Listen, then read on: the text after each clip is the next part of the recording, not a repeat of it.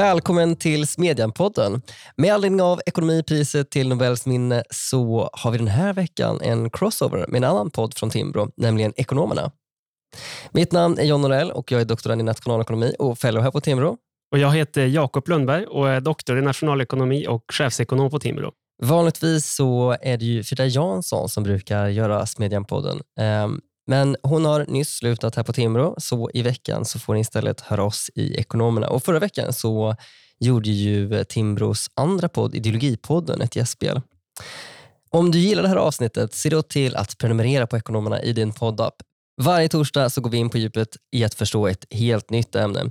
Och eh, Senaste avsnitten som vi har haft har handlat om hur svensk skola blev en av världens bästa, hur reduktionsplikten egentligen fungerar och på vilka sätt som politiker är bromsklossen för bostadsbyggande.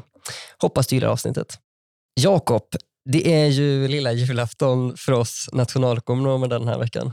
Ja, precis. Äntligen fick vi veta vem som kommer få årets ekonomipris till Nobels minne. Precis, precis. Jag har spelade in eh, utdelningsceremonin, men han pratar så väldigt långsamt, eh, han som är ständig sekreterare. Eh, så jag tänker jag, jag, jag speedar på hastigheten här. Men i alla fall, så här lät det då i måndags. Kungliga Vetenskapsakademien har idag beslutat att utdela Sveriges riksbankspris i ekonomisk vetenskap till Alfred Nobels minne för 2022 i lika delar till professor Ben Bernanke, The Brookings Institution, Washington DC, USA, till professor Douglas Diamond, University of Chicago, Chicago, USA och till professor Philip Dybvig, Washington University in St. Louis, USA. Det tilldelas priset för forskning om banker och finanskriser. Så lät det alltså i måndags. Och De får alltså priset för sin forskning om banker och eh, finanskriser. Um, jag tänker att eh, därför ska vi prata om banker idag, Jakob. Mm. Nu då, de senaste dagarna när jag har suttit med er och så läsa in mig på det här ämnet så har jag verkligen slagits av att eh, deras forskning är väldigt så, den är rätt enkel att förstå och så intuitiv. Eh, det, det, är intressant att man på 80-talet kunde man skriva liksom matematiska modeller för hur, här, varför finns banker? Vad har de för funktion i ekonomin? Varför klarar, här, skulle vi kunna klara oss utan banker? De visar ju att, att här, de skapar nytta. Liksom. Mm. Men I den här forskningen som de gjorde för ungefär 40 år sedan. Exakt, då, på 80-talet. Och Då kunde man liksom bara sätta upp en så enkel modell och sen 40 år senare få ett Nobelpris. Det är ju, nivån för, för liksom vad forskningsfronten är just nu är ju långt mycket längre fram. Eh, men men det, den forskning som de eh, sysslade med då har liksom legat i grunden för all, eh, all den forskning kring banker och banksystemet som, som lärs ut nu. Mm. Och det, det, är värt att säga att eh, det vi vet, och då menar jag inte du och jag, utan det vi vet i, i liksom forskningen nu kring komplexiteten är ju långt mycket längre fram. Men, men det, de här, de här liksom forskningsartiklarna som de skrev är ju verkligen, ligger till grund för allting i princip. Mm, och De kommer vi komma in på senare i avsnittet mm. också. Och Vi kan väl börja bara i frågan, så vad gör en bank? Ja, precis. Alltså det, det mest grundläggande, den traditionella banken, det, det är klart de, de kopplar ihop folk som vill låna och folk som har pengar att låna ut. Någon måste liksom agera mellanhand mellan de här två. Det kan handla om eh, bolån eller företag som behöver låna för att investera i någonting eller eh, någonting annat. Eh, mm. Eh, och eh, Banken lånar ju av oss som har konton i banken. Mm. Genom att, ja, Har jag ett sparkonto så har jag lånat ut pengar till banken. Och så tjänar de ju pengar då förstås på skillnaden mellan inlåningsränta och utlåningsränta. Nu är räntan på bankkonton inte särskilt hög, till och med noll på de flesta lönekonton. Ehm, så det får man se som ett sätt att betala för alla tjänster som banken tillhandahåller. Alltså eh, betalningstjänster, Swish, kontokort, man kan betala räkningar, sådana där saker. Mm. Eh, det, det, det är oftast avgiftsfritt och istället så accepterar vi då att inte få någon ränta när vi har pengar på lönekontot på banken. Och Nu pratar vi om traditionella affärsbanker. Det finns ju också investmentbanker som jobbar med börsen och olika typer av finansiella produkter. Eh, de agerar konsulter för uppköp och samgåenden och sådär. Eh, mm. Men det är ju lite annan typ av bankverksamhet. Jag läste en artikel för några år sedan som eh, för mig var väldigt så aha-upplevelse kring hur viktigt det är med banker och finansiella institutioner i ekonomin. Eh, en artikel som faktiskt handlar om Harry Potter och Harry Potter-världen. Mm. Eh, ja. Eh, I korthet så försöker den undersöka egentligen någon, något helt annat. Varför det inte finns någon tillväxt i Harry Potter-ekonomin. Att så. Eh, och eh, när de sen då diskuterar så vad är orsaken till detta så nämner de då just avsaknaden av finansiella institutioner eh, som ser till att resurser allokeras dit eh, de behövs till eh, ja, men entreprenörer, eh, nya företag eh, som investerar. Ehm. Ja, just det. Du är ju mycket större Harry Potter-nörd än vad jag är, men nej, det, det verkar ju vara en väldigt statisk värld i Harry Potter. Det är inte så att det kommer en massa nya entreprenörer och nya innovationer och ny teknik och sådär, utan det, det tuffar på ungefär som det har gjort. Ja, men exakt. Eh, I den här artikeln så eh, ser de det att så här, men det finns ingen växande population i Harry Potter-världen, vad man kan se. Det finns ingen växande kapitalstock. Det är inte så att vi har liksom fler eh, fabriker eller fler affärer, utan, utan det är liksom, allting är ganska statiskt genom hela eh, liksom, eh, den tid som Harry Potter-böckerna beskriver.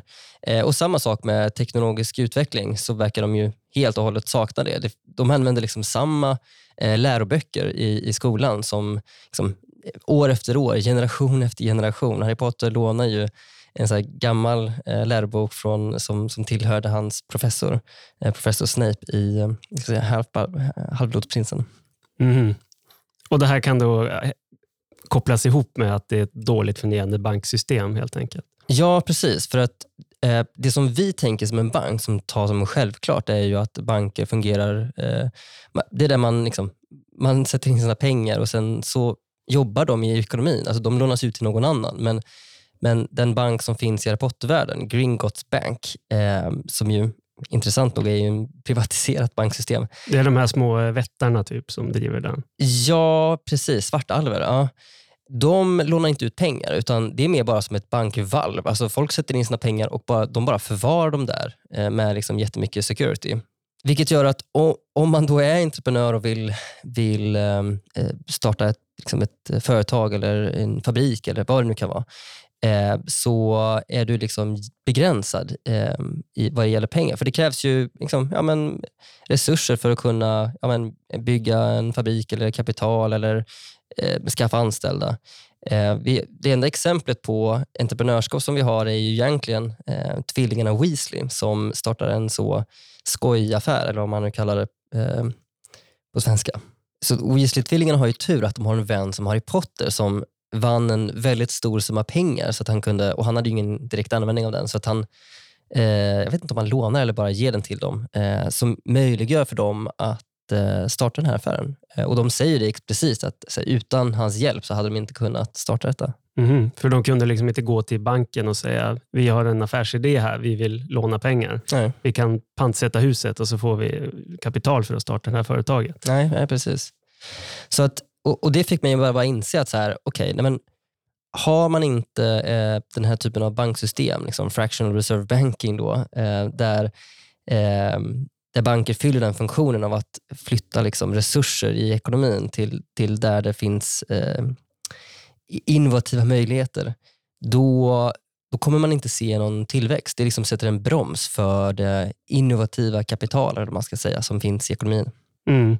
Ja, för det, det de har i Harry Potter är det man brukar kalla full reserve banking. Mm.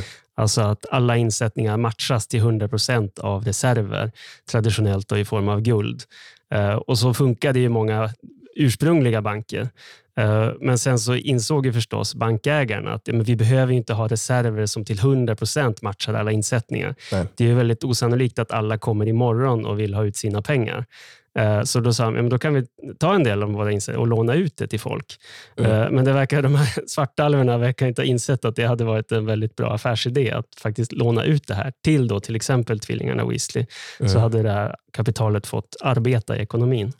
Ja, och det kan, det kan ju såklart vara så också att eh, ministeriet i Harry Potter-böckerna sätter någon typ av reglering som förhindrar eh, Gringotts från att kunna låna ut pengar. Men ja, oavsett, just den funktionen som du säger, alltså banker, det är, väl, det är ju fel att säga att banker skapar pengar ur tomma intet, men, men just den här processen i att eh, man eh, lånar ut pengar på eh, lång sikt eller på lång löptid eh, samtidigt som man erbjuder likviditet eh, till eh, de som sparar.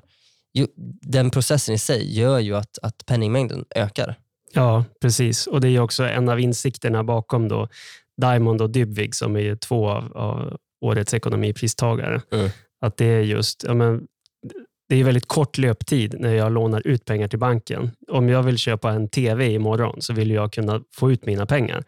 Eh, samtidigt så när de lånar ut i form av bolån eller de lånar ut till ett företag som ska bygga en fabrik eller något sånt där. Det är väldigt långa investeringar med låg likviditet. De kan liksom inte komma imorgon och säga ja, men nu ska Jakob köpa en TV. Nu behöver vi ha tillbaka lite grann av Nej. det här bolånet som vi har lånat ut till dig. Precis, det hade varit väldigt svårt att, eh, om vi inte hade haft banker som fyller den här funktionen, det hade varit svårt att eh, om, om jag äger en jag vet inte, 200 del av grannens hus eller av grannarnas eh, hus. Liksom. Eh, det är liksom en, en tillgång som jag inte kan använda för att köpa mjöl eller eh, kokos. Liksom. Nej, precis. Det finns ju en klassisk film som illustrerar det här också, som säkert eh, våra föräldrar känner till väl, men det är It's a wonderful life, eller Livet är underbart, från Mm. 1946 med James Stewart. Den här brukar sändas eh, kring jul. Aha, TV i Sverige. sån, ja. Ja, precis. En, en riktig klassiker. Eh, och I den här filmen så har då huvudpersonen som spelas av James Stewart, han leder en, en bank i en liten stad i USA. Eh, och eh, Sen händer då det här. Don't look now, but there's something funny going on over there at the bank, George. I've never really seen one, but that's got all the earmarks of being a run. Och nu är det alltså ägaren som sitter i en bil här i en taxi utanför banken. You got any money in the bank? You better hurry. George, let's not stop. Let's go. A minute there. Och folk rusar till banken här. Varför gör de det? Ja, de nämnde ju här i klippet att det som händer är en bankrun, alltså en, en bankrusning. Att Mm. folk eh, rusar till banken och säger jag vill ha ut mina pengar nu. För de har inte förtroende för att de kommer kunna få ut sina pengar om de väntar några månader eller ett par år eller något sånt där. Mm. Och just en sån här bankrusning är ju det som Douglas Diamond och Philip Dybvig skriver om i den här artikeln som de publicerade 1983. Då Diamond för övrigt var 30 år gammal och Dybvig var 28. Och Det är alltså det som de får ekonomipriset för nu. Men det är alltså en, formell matematisk modell för varför en bankrusning uppstår. Och, och Det de visar är att en bankrusning kan egentligen drabba en bank som är helt sund i grunden. Eh, men det kanske av någon anledning så sprids det ett rykte som kan vara helt falskt eller på, av någon anledning så får folk idén om att nu måste jag gå och ta ut mina pengar. Eh, och Det är precis det som händer i den här filmen, då, att det sprids ett rykte på stan. Eh, den här Building and Loan-banken då, som, som George Bailey, huvudpersonen, driver.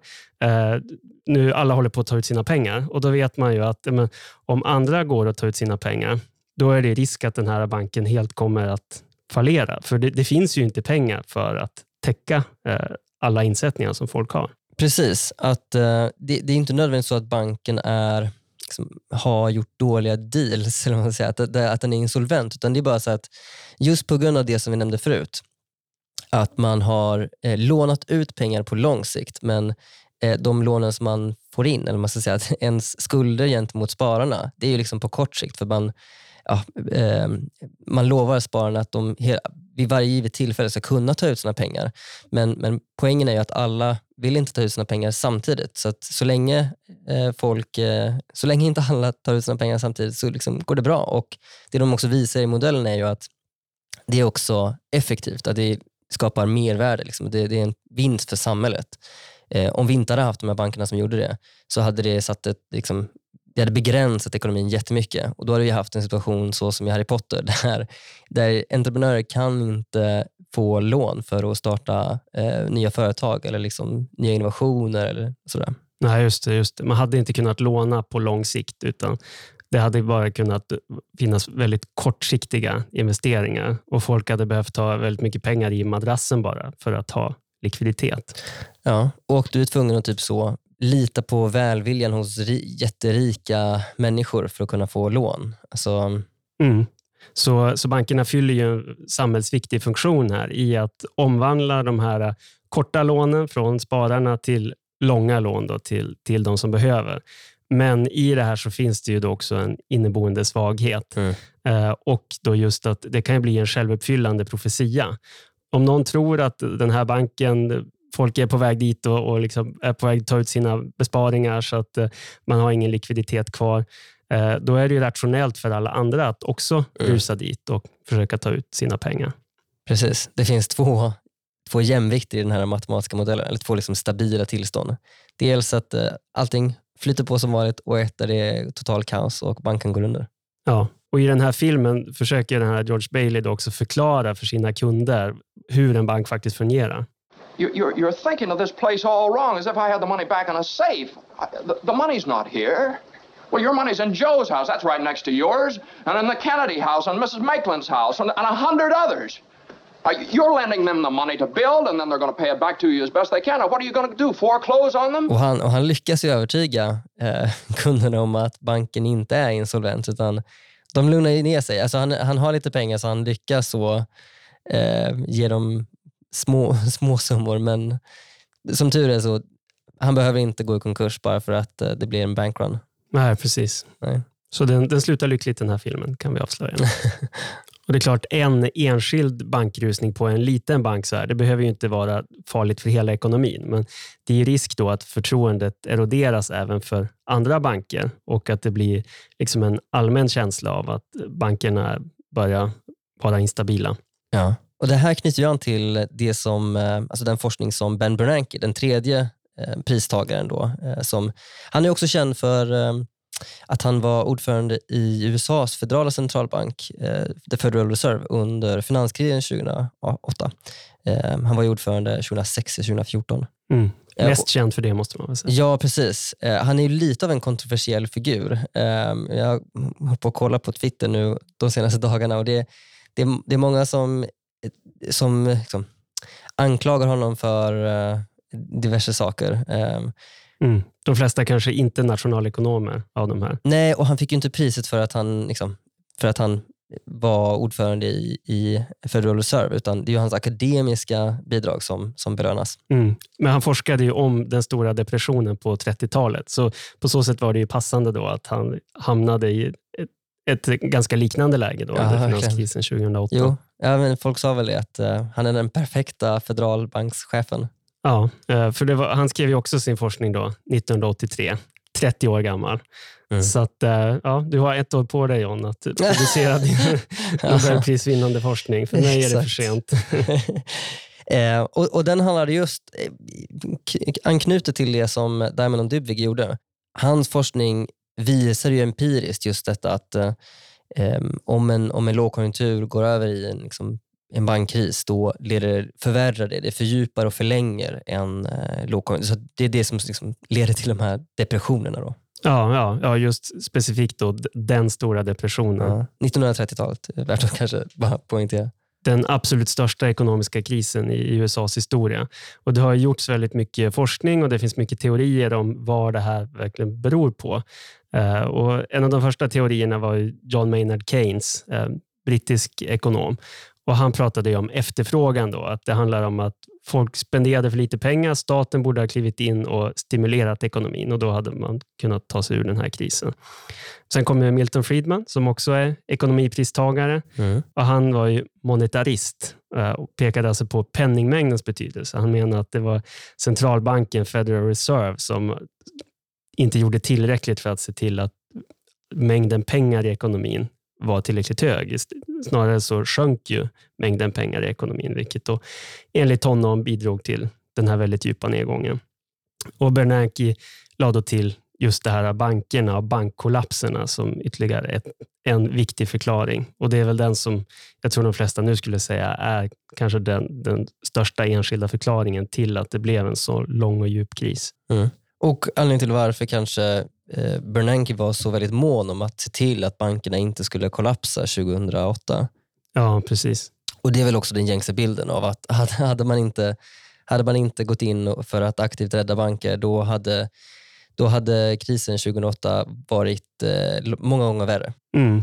För det som hände under 30-talskrisen var ju att väldigt många banker gick i konkurs. Det fanns ju tusentals banker i USA Mm. och ja, antalet banker bara halverades på bara ett par år Ja. där i början av 30-talet. Och Det blev ju många sådana här just bankrusningar. Då. Man, man tappade förtroendet för banksystemet.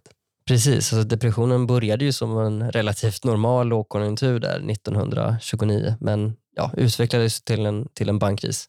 Mm. Det blev lite av en perfekt storm börskrasch och så sen så införde man höga tullar så att eh, världshandeln kollapsade och väldigt många olika saker som bidrog till att den blev så oerhört djup. Mm. Och när bankerna börjar gå liksom i konkurs, eh, då alltså det, det är svårt att bygga upp det igen. Det, eh, det, vilket ju är orsaken till varför det tog så. Det tog ju liksom ett decennium innan, innan eh, de här bankerna kom tillbaka. Liksom. Ja, precis. det är inte lätt att bara... Så, alltså banker är ju en typ av företag, eh, men, men eh, eh, det finns mycket så vad säger man, informellt kapital liksom, bundet i den typen av liksom, relationer med kunder och allt sånt där.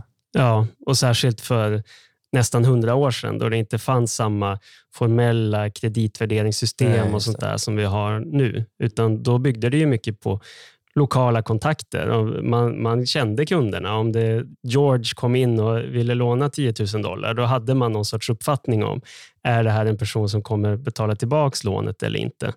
Uh, och Sådana här informella kontakter och kunskap är ju väldigt viktigt för att ekonomin ska fungera. Det är ju ett viktigt smörjmedel i och med att brist på information är ju någonting som annars kan vara ett hinder för ekonomin. Mm. Och det är klart, I Sverige idag så det finns mycket kreditvärdering, man kan se om folk har fått en betalningsanmärkning och sådär. Men fortfarande spelar ju den här typen av informella kontakter stor roll. Mm. Eh, Handelsbanken är ju ett klassiskt exempel på en bank som är väldigt decentraliserad, där de enskilda bankkontoren har en väldigt stark ställning och en bra förankring på den ort där de jobbar. Eh, så då, då har ju de också någon sorts finger i luften för vilka som kan tänkas betala tillbaka de här pengarna eller inte. Om, Ja. om, eh, om Kalle kommer in och vill låna pengar, eh, men då vet de att ja, men den här Kalle, han, han kan vi inte... Han kommer, Ja, Kalles bygg, vi lånar inte ut pengar till dem. För jag, jag hörde Nej. nere på byn, snacket går. Han, han betalar inte sina gubbar. Eh, Så att, sån här information kan ju också spela stor roll. jag vet att när jag, flyttade, när jag flyttade från Vara så kommer jag ihåg att jag hade, pratade med mina föräldrar om så här, ja, men ska jag byta till spa, liksom Swedbank eh, nu ni, ja, eller ska jag fortsätta ha Sparbanken Skaraborg? Och då vet jag att mamma sa ja men det är bra att de, så här, för de känner dig och, och så. Det kan vara lättare att få lån i framtiden. Så, där. så att jag har liksom fortsatt ha det, min, min lokala bank från där jag växte upp. Ja, det är nog rimligt. Så det är klart att om det är väldigt många banker som går i konkurs, då, då slår man ju sönder de här relationerna och det kan ju ta decennier att bygga upp det här igen. Den stora depressionen är ju det mest klassiska exemplet, men det finns ju också många, många andra exempel i historien på just bankkriser. Mm.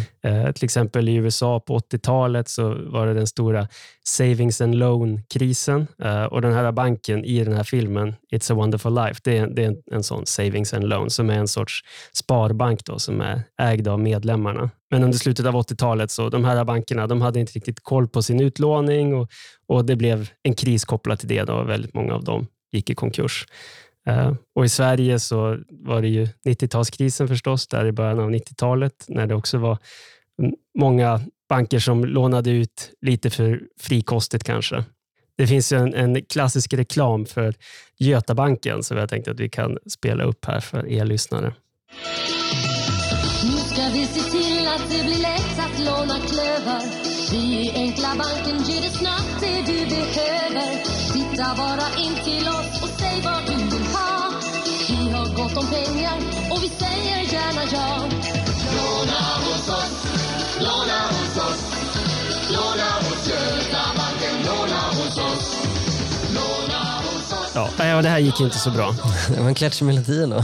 Ja, eh, men tyvärr så många av de som lånade av Götabanken kunde då inte betala tillbaka det här. Nej. Så att, eh, det som hände var att eh, Götabanken hamnade på obestånd och slogs ihop med Nordbanken då, som togs över av staten och idag är en del av Nordea. Okej, okej. Men för det här knyter då an lite grann till eh, det som också nämns i, eh, i, av Nobelkommittén, eh, ett papper av Diamond från 84, kring att banker fyller en funktion också att eh, bedöma liksom, kreditvärdighet hos, eh, hos låntagare. Alltså det är ju, att låna ut pengar till investeringsprojekt är ju osäkert, det är risk- riskabelt för att så, den typen av projekt kan ju gå i stöpet Eh, dels för att det är bara dåliga idéer, men det kan också vara bara otur. Eh, och Det är svårt att veta för i, i de allra flesta fall vad som är, liksom, vilket som är vilket. Är det, är liksom, är det, en, då, är det den personen som, är, eh, som, som, begär ett, som vill ha ett lån, är det den som är dålig eller var det bara otur? Att eh, just nu så fanns det kanske inte någon efterfrågan. Men att, eh, och sådär. Ja, just det. Och det bedömer då bankerna. Mm. De är liksom specialiserade på det. Uh, mer eller mindre bra då får man väl säga. Men uh, de, flesta banker är ju ändå över tid duktiga på att avgöra om en kund kommer kunna betala tillbaka lånet eller inte. Och Den här uh, förmågan att bedöma krediten, ja, det hänger förstås också ihop med vilken lokal förankring har man, vilken kunskap har man om näringslivet på orten. Och Ett annat exempel från 90-talskrisen är då när man just hade bildat Nordbanken som en, en sammanslagning av Upplandsbanken och Sundsvallsbanken. Eh, då, då, skriver Sven-Olof Lodin, som är legendarisk skatteprofessor, men han satt i, i styrelsen för den här nybildade Nordbanken i slutet av 80-talet. Eh, och han skriver då så här.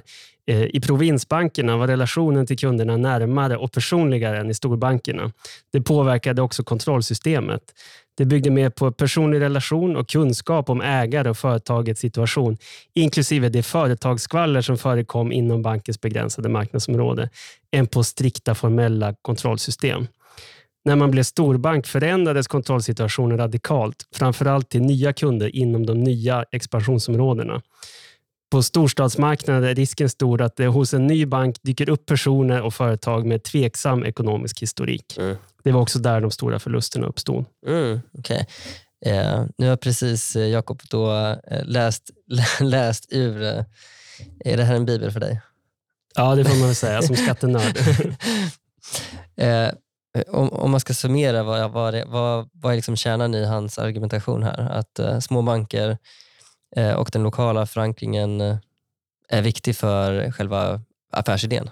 Ja, precis. Att eh, det, är, det, handlar om just det här eh, sociala kapitalet, det här nätverket som man har på orten.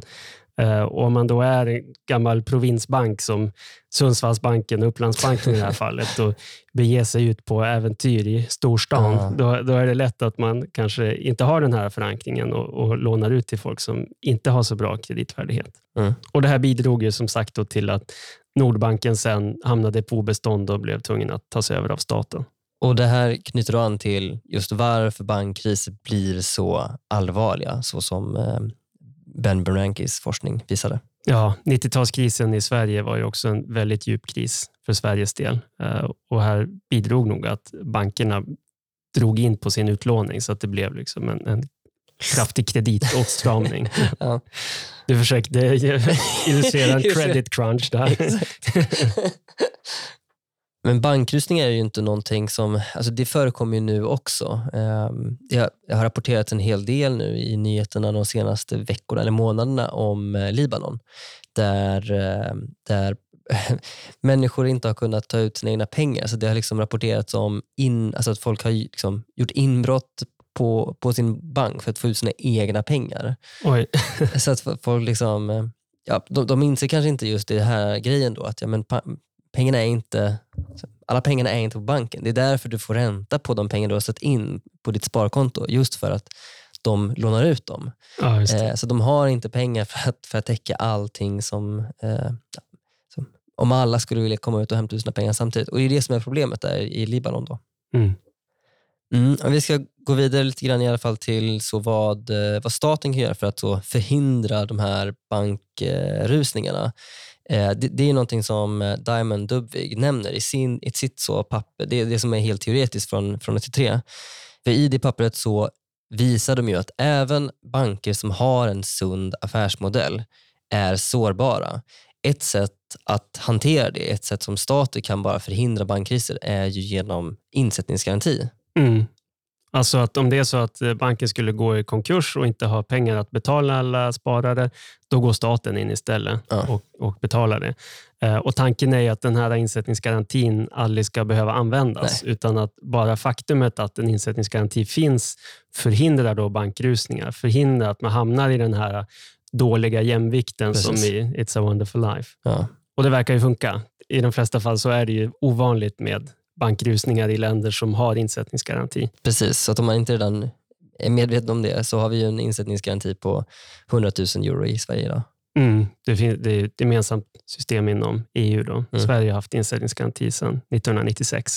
Um, men det kan ju vara, om man nu är en sån som har väldigt mycket pengar på banken, vilket ju inte är så smart i sig, men, Nej, man om man har det- nej. avkastning på det. nej, men om man har det så kan det i så fall vara smart att dela upp det på flera banker i och med att det gäller ju upp till en miljon då per person och per bank. Precis, för de flesta, jag kan inte tänka mig att så många har en miljon kronor på, liksom, i sparkonton idag, eller? Nej, det är väl om man ska köpa ett hus imorgon eller någonting. Men Ja. annars så är det inte särskilt smart att ha det Då köper man där. aktier eller liksom för fonder istället. Och det är klart, de har man inte garanti på. Nej, inte på själva värdet förstås. Nej. Det är klart att det finns också negativa alltså, baksidor av den här typen av statliga in, ingripanden. Mm. Um, alltså, om, man, om staten säger, eller centralbanken säger att vi kommer göra allting för att rädda bankerna, ehm, då, då skapar det, liksom, det snedvrider incitamenten, skapar skadliga incitament. Därför att då, då kan inte banker kan inte konkurrera mellan varandra om att vara liksom mer eller min, liksom, eh, relativt mer säkra. Liksom. Utan, eh, och det skapar ju incitament att kanske göra grejer som är liksom, Ja, man är mindre försiktig i sin utlåning. precis. Eh, Och insättningsgarantin gör ju att jag som kund har ju inte anledning att kontrollera hur, hur trovärdig är den här banken? Hur skicklig är de på att verkligen ha, ha koll på sin utlåning? Så det här problemet har ju lett till att man då i nästa steg har infört regleringar av bankernas utlåning. Det finns ju kapitaltäckningskrav och sådana här saker, att de måste ha ett visst kapital. De kan inte låna ut hur mycket som helst av, av eh, sina tillgångar.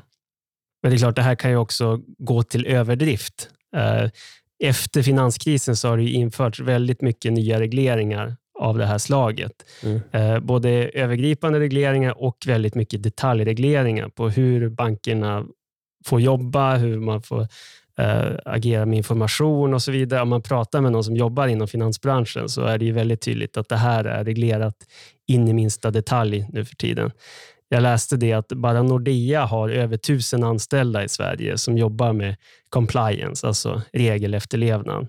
Så det här är ju det, förmodligen den störst växande sektorn inom bankbranschen, bara att följa de regleringar som finns. Och då kan man ju förstå varför alltså, den typen av regleringar begränsar ju konkurrensen. Så det, det, det är lätt att förstå. Alltså, det, det, det är mer eller mindre omöjligt att starta en ny bank idag. Liksom. Att, eh, Nej, exakt. Utan då, då är det ju storbankerna som blir dominerande. exakt. Och Sen kan ju staten i vissa fall bidra till att banksystemet blir mer sårbart.